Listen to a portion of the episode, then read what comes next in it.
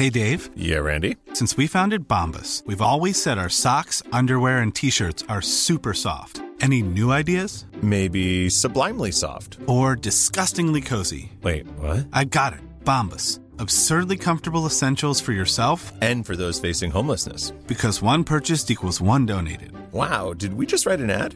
Yes. Bombas. Big comfort for everyone. Go to bombas.com slash ACAST and use code ACAST for 20% off your first purchase. Tony Media. Het is oorlog in Europa. Gaan we allemaal dood in een kernoorlog? Nee, ik denk het niet. Gaat de oorlog de wereld veranderen? Dat weet ik zeker.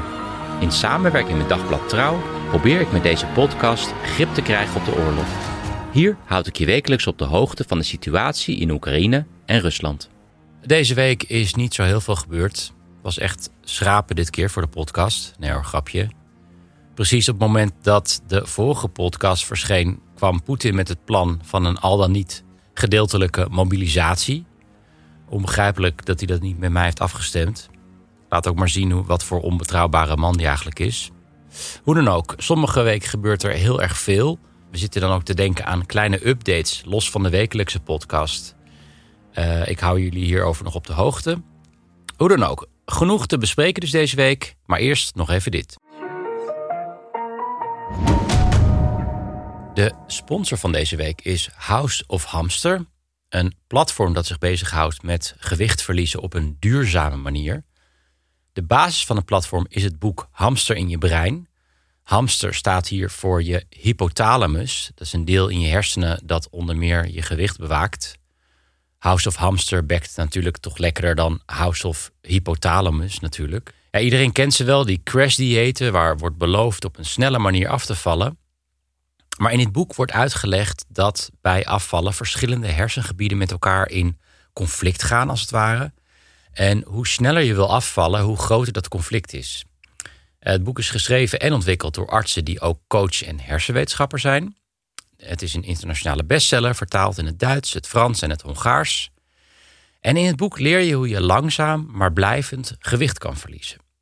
Bij het boek hoort ook een online programma waarin de methode wordt uitgelegd. Ik heb er even zitten kijken. Er zit onder andere een 12 weken programma Ken de Hamster en een 24 weken programma Tem de Hamster. Je zou zelfs ook een kijkje kunnen nemen op houseofhamster.com. House spel je op z'n Duits. De link staat ook in de show notes. En dit is wat er gebeurde in week 32 van de oorlog. Er zijn twee zaken die ik wil bespreken. Ten eerste natuurlijk de mobilisatie in Rusland, maar natuurlijk ook hoe het gaat aan het front. Waar ik verder geen aandacht aan besteed is het referendum. Tussen dikke vette aanhalingstekens in de door Russen bezette gebieden. Het is natuurlijk helemaal geen referendum. Ja, daarmee zou ik eigenlijk klakkeloos de agenda van Poetin volgen. En de kunst in deze oorlog is volgens mij om juist af te wijken van die agenda. Volgende week ga ik wel kijken naar de gevolgen van dat nep-referendum, want die zijn wel belangrijk. Want waarschijnlijk worden deze gebieden dan geannexeerd. En waarschijnlijk geeft dan Dmitri Rogozin de leiding aan dat nieuwe gebied. Wat een hele wonderlijke man is, maar daar kom ik volgende week nog op terug. Oké, dus we moeten het even hebben over die mobilisatie. Die is uitgeroepen door Poetin en wordt door Russen grappend de mogilisatie genoemd. Mogil in het Russisch is graf.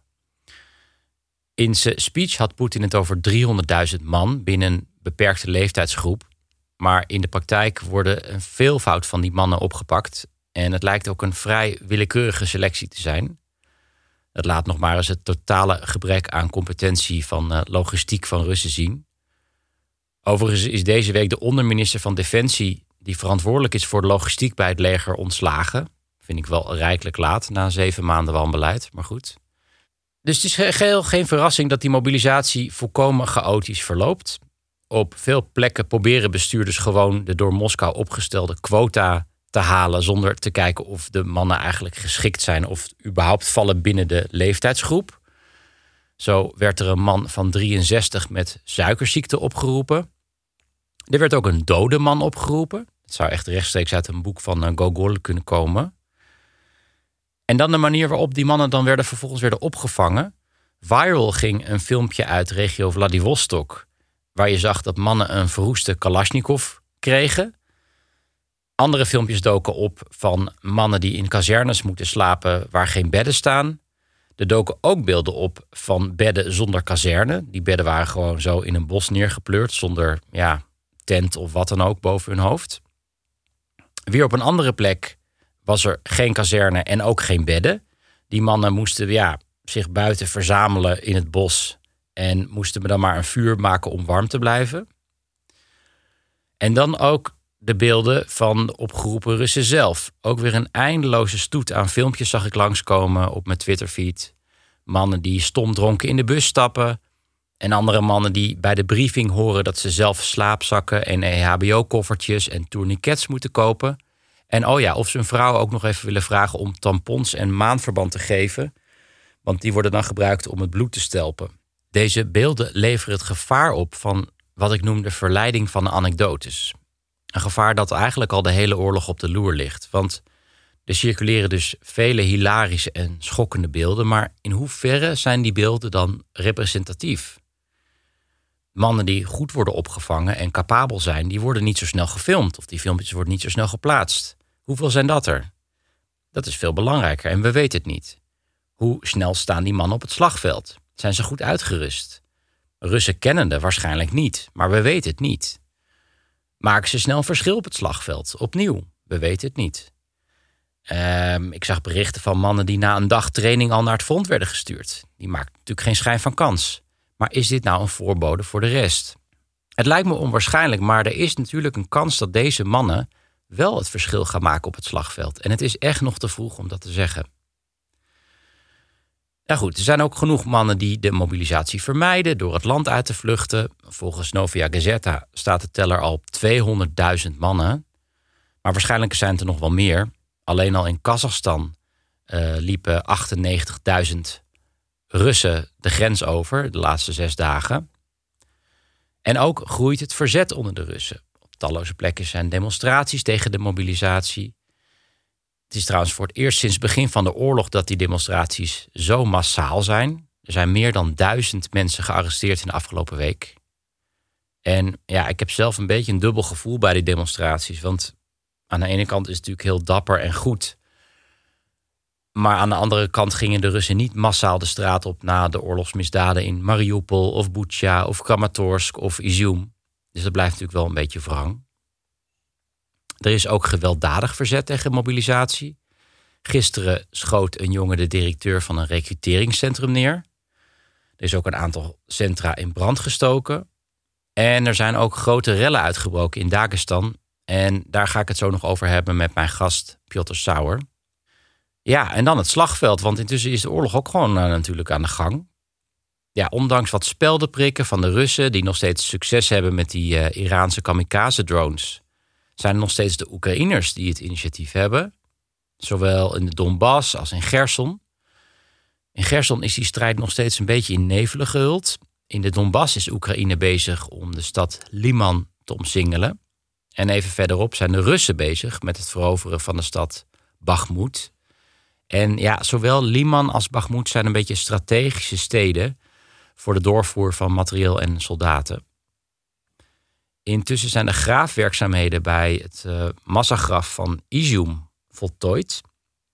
Het is duidelijk dat er heel veel burgerslachtoffers zijn gevallen. Er zijn onder andere 215 vrouwelijke lichamen geborgen en ook vijf lichamen van kinderen. En dat lijkt te wijzen op systematische oorlogsmisdaden van de Russen in bezette gebieden. En er zullen ongetwijfeld nog wel meer massagraven volgen, denk ik. Gaan we door naar de Russische media.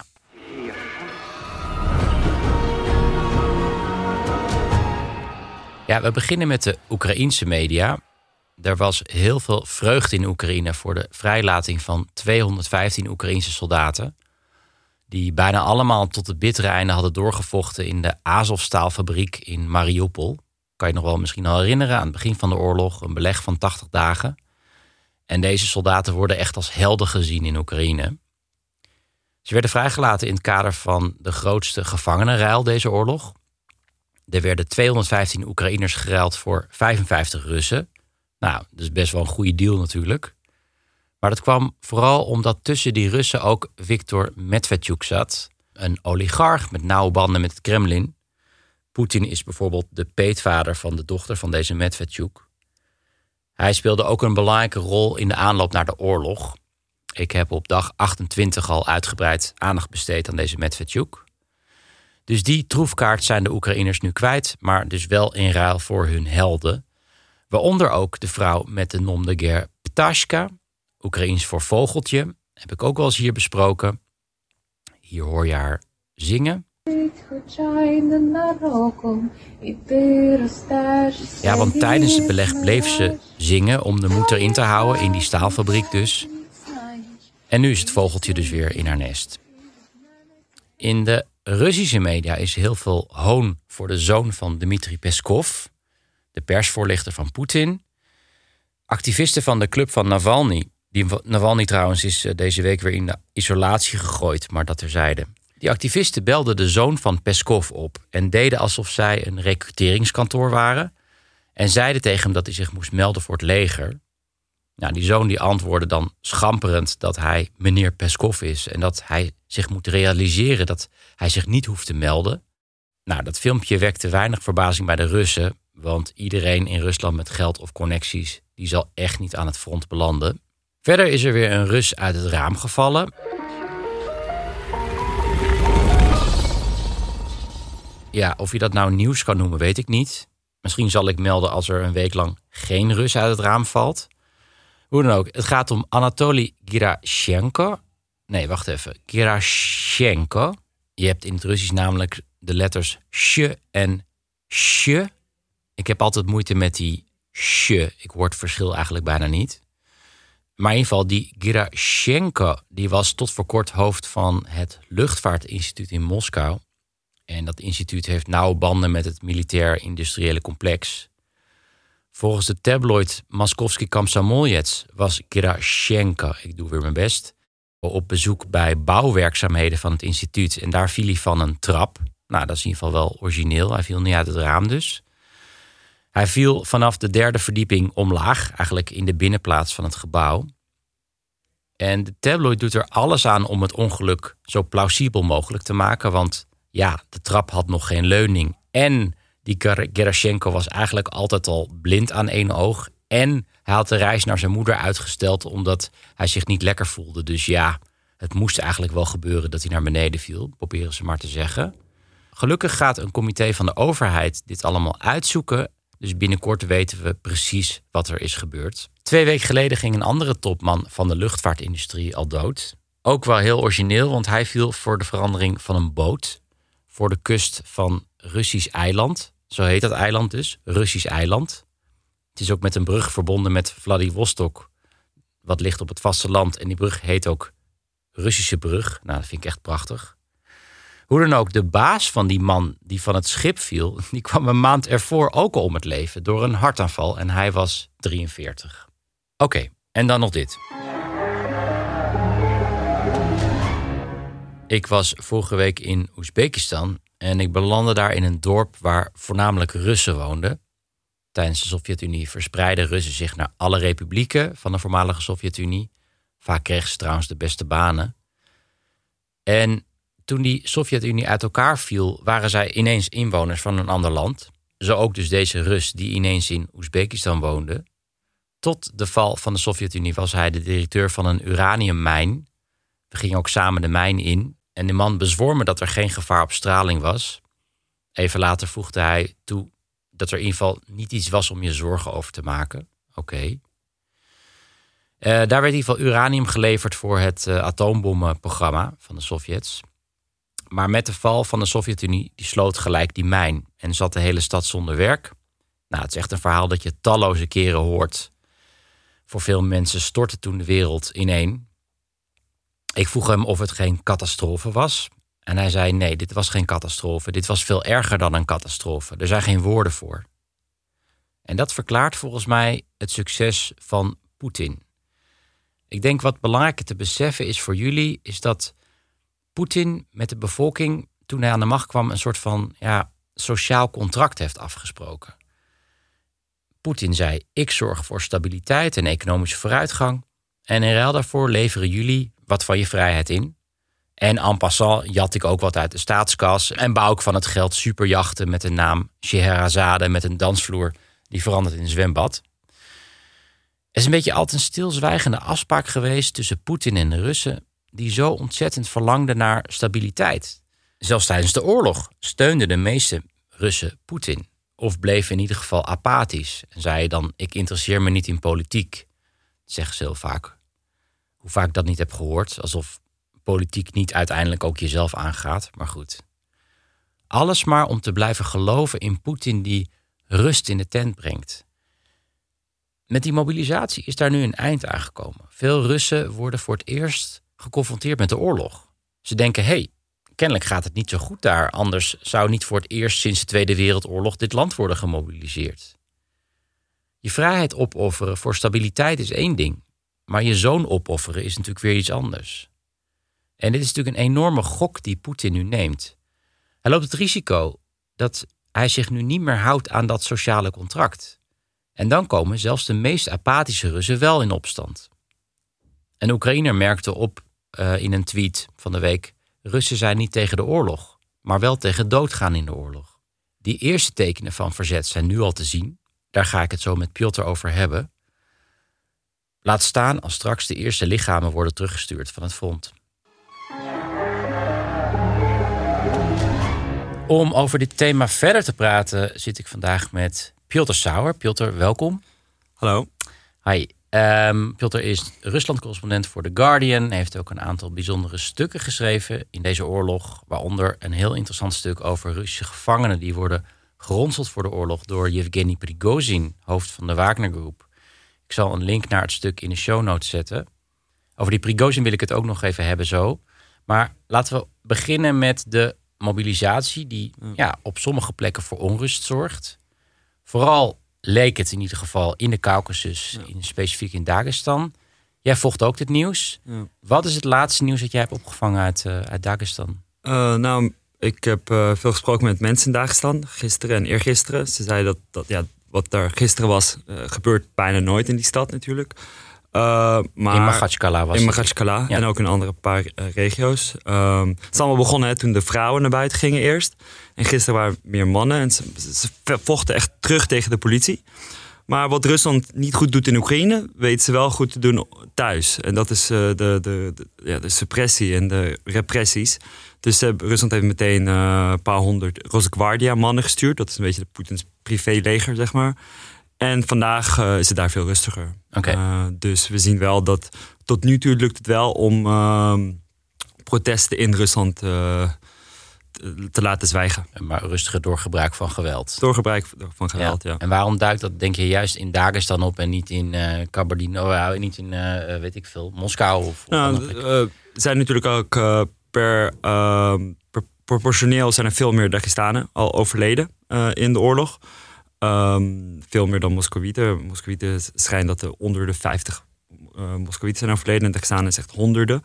Dus die denken al dat we hebben al zoveel uh, man zijn al doodgaan voor deze oorlog. Die eigenlijk niet van ons is. Omdat ze zijn etnisch niet Russisch. En ze, ze, heel veel van die mensen snappen ook niet waarom deze oorlog dat hoorde je ook, is. bij die dat demonstraties hoor je, die, die vrouw die zei ook, uh, dit is niet onze oorlog, waarom zijn we hier?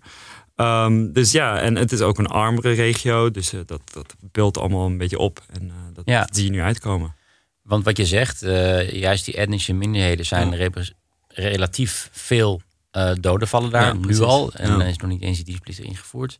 Is het ook niet een beetje tricky voor Poetin om juist al die, die minderheden naar Oekraïne te sturen? En dat ze niet op een gegeven moment denken van ja, waarom zou ik vechten voor Rusland? Sterker nog, misschien begin ik wel een eigen republiek, Dagestan of ja. Poetin, Poetin heeft twee moeilijke keuzes. Of hij doet dat, of hij stuurt de Moskowieten daar naartoe. Um, en uiteindelijk het geld en de macht zit in Moskou. Dus hij wil de mensen in Moskou ook niet boos maken. Dus hij denkt op dit moment nog dat hij die regio's kan controleren. Uh, dat hij daar de, de local gouverneurs kan controleren. En dat daar mensen minder ook op de internet zitten en zien wat er gebeurt. Maar we zien nu al dat dat uh, een beetje backfired. Ja, het is een beetje keuze tussen twee kwaden. Twee kwaden, precies. Twee ja. kwaden eigenlijk. Ja. Ja.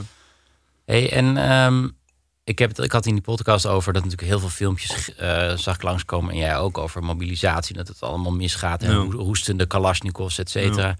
Maar heb je soms, is soms niet het gevaar dat je te veel laat leiden door filmpjes? Waardoor je denkt van, oh, dit is misschien één grote clusterfuck. Terwijl misschien het eigenlijk wel meevalt. Want je ziet natuurlijk geen filmpjes van gewoon ja, Ja. opgeleide Russen die, die rustig zich melden. En, en, en misschien wel eh, goede uit, uitrusting krijgen. Ja, je moet ook voorzichtig zijn dat, eh, om, om nu al te, te stellen dat heel Rusland eh, niet wil gaan. We zien ook ja, filmpjes van de Ru- Russen het zijn minder natuurlijk, maar filmpjes die gewoon rustig in die bus gaan en ook willen gaan vechten. Dus we moeten voorzichtig zijn. Om nu al te zeggen dat eh, heel Rusland niet wil gaan vechten. En ik ken ook persoonlijk heel veel Russen die zeggen dat, ik, dat, ze gaan. Of Russen die niet echt willen gaan, maar zeggen we hebben geen andere keuze. Natuurlijk staat er ook op contrast honderdduizenden die nu op de grens van Georgië, Kazachstan eh, en al eh, en Finland staan. Dus je ziet wel dat de maatschappij gesplitst wordt in, Ja. in twee delen. Ja. Ja, ja. Spannend hoe dat gaat Ja. lopen straks. Nog even kort, Piotr, want je schreef gisteren een stuk voor The Guardian over Guardian. Guardian. Ja. Ik heb even de, de Guardian in mijn hoofd. Eh, Guardian over Yevgeny Prigozhin, Ja. hoofd van de Wagner Groep. Die huurlingen leveren aan deze oorlog, waaronder nu in Bakhmut. Hij zei expliciet dat hij leiding geeft aan die Wagner Groep. Verbaast dat je? Jawel, omdat hij voor jaren heeft hij eh, journalisten voor de rechter gesloopt. Eh, Heeft hij het met jou trouwens ook gedaan? met The Guardian wel, ja. Ja? Niet voor een artikel die ik schreef, maar wel met The Guardian. Eh, Want hij zei, ik ben absoluut niet het hoofd van de ik, Wagner ik heb niks met Wagner te maken. Oké. Ook al iedereen wist dat wel. Hij, hij sponsorde ook films die over Wagner gingen. Dus dat was gewoon een open secret. Ik had ook met een oude eh, Wagner-commandant gesproken nog voor de oorlog. Die zei, ja, iedereen weet dat hij gewoon onze baas is. Maar hij wou altijd doen alsof het niet zo was. En hij sleepte heel veel journalisten voor de rechter. Eh, sommige journalisten werden, drie journalisten werden zelfs vermoord in de Centraal-Afrikaanse Republiek. eh, toen ze onderzoek deden naar Wagner en Prigozhin.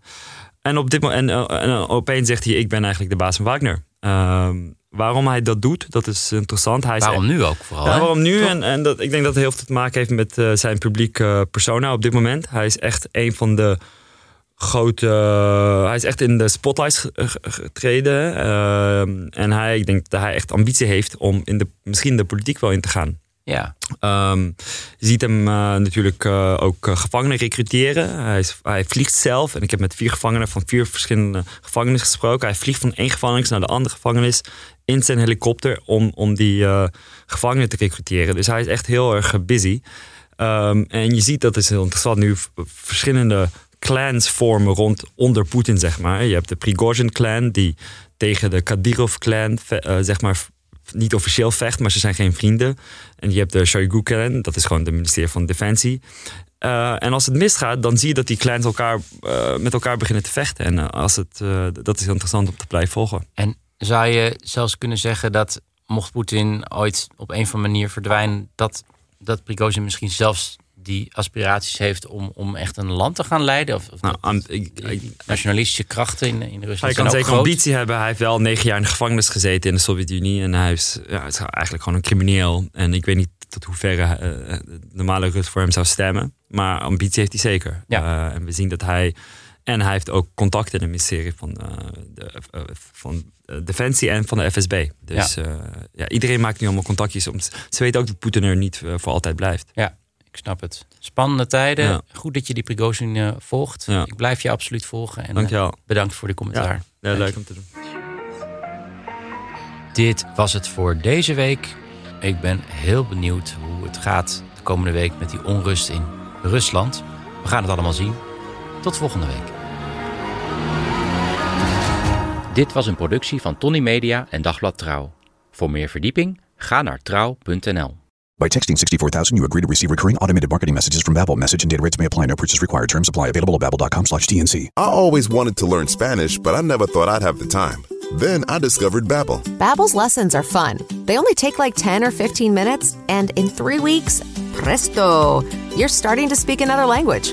Like magic. I love that Babbel's lessons aren't just robots talking. They're voiced by native speakers, so you get the pronunciation just right. It's incredible. After using Babbel, I'm ready to start having real conversations in French. There's all kinds of ways to learn. Use Babbel's podcasts or games or videos. You can even join live classes with a language teacher. If you want to learn a language, there's no faster, easier, better way than Babbel. Babbel. Babbel. Babbel, évidemment. Text radio to 64000 to try Babbel for free. That's radio to 64000 to try Babbel free. R A D I O to 64000. Ik heb geen idee waar je naar geluisterd hebt, maar misschien een goede tip om nog meer tijd te vermorsen. Luister eens een keer naar de Snopcast, waarin ik, Jort Kelder en mijn goede vriend Ivo van Rechteren Altena alles bespreken wat het leven draaglijk maakt zonder enig praktisch nut. Met uiterst overbodige snobjecten als ja, een machientje om je tandpasta uit te rollen, een ski natuurlijk van Bentley of een Kashmir springtouw. Jazeker, de Snopcast. Omdat je het waard bent.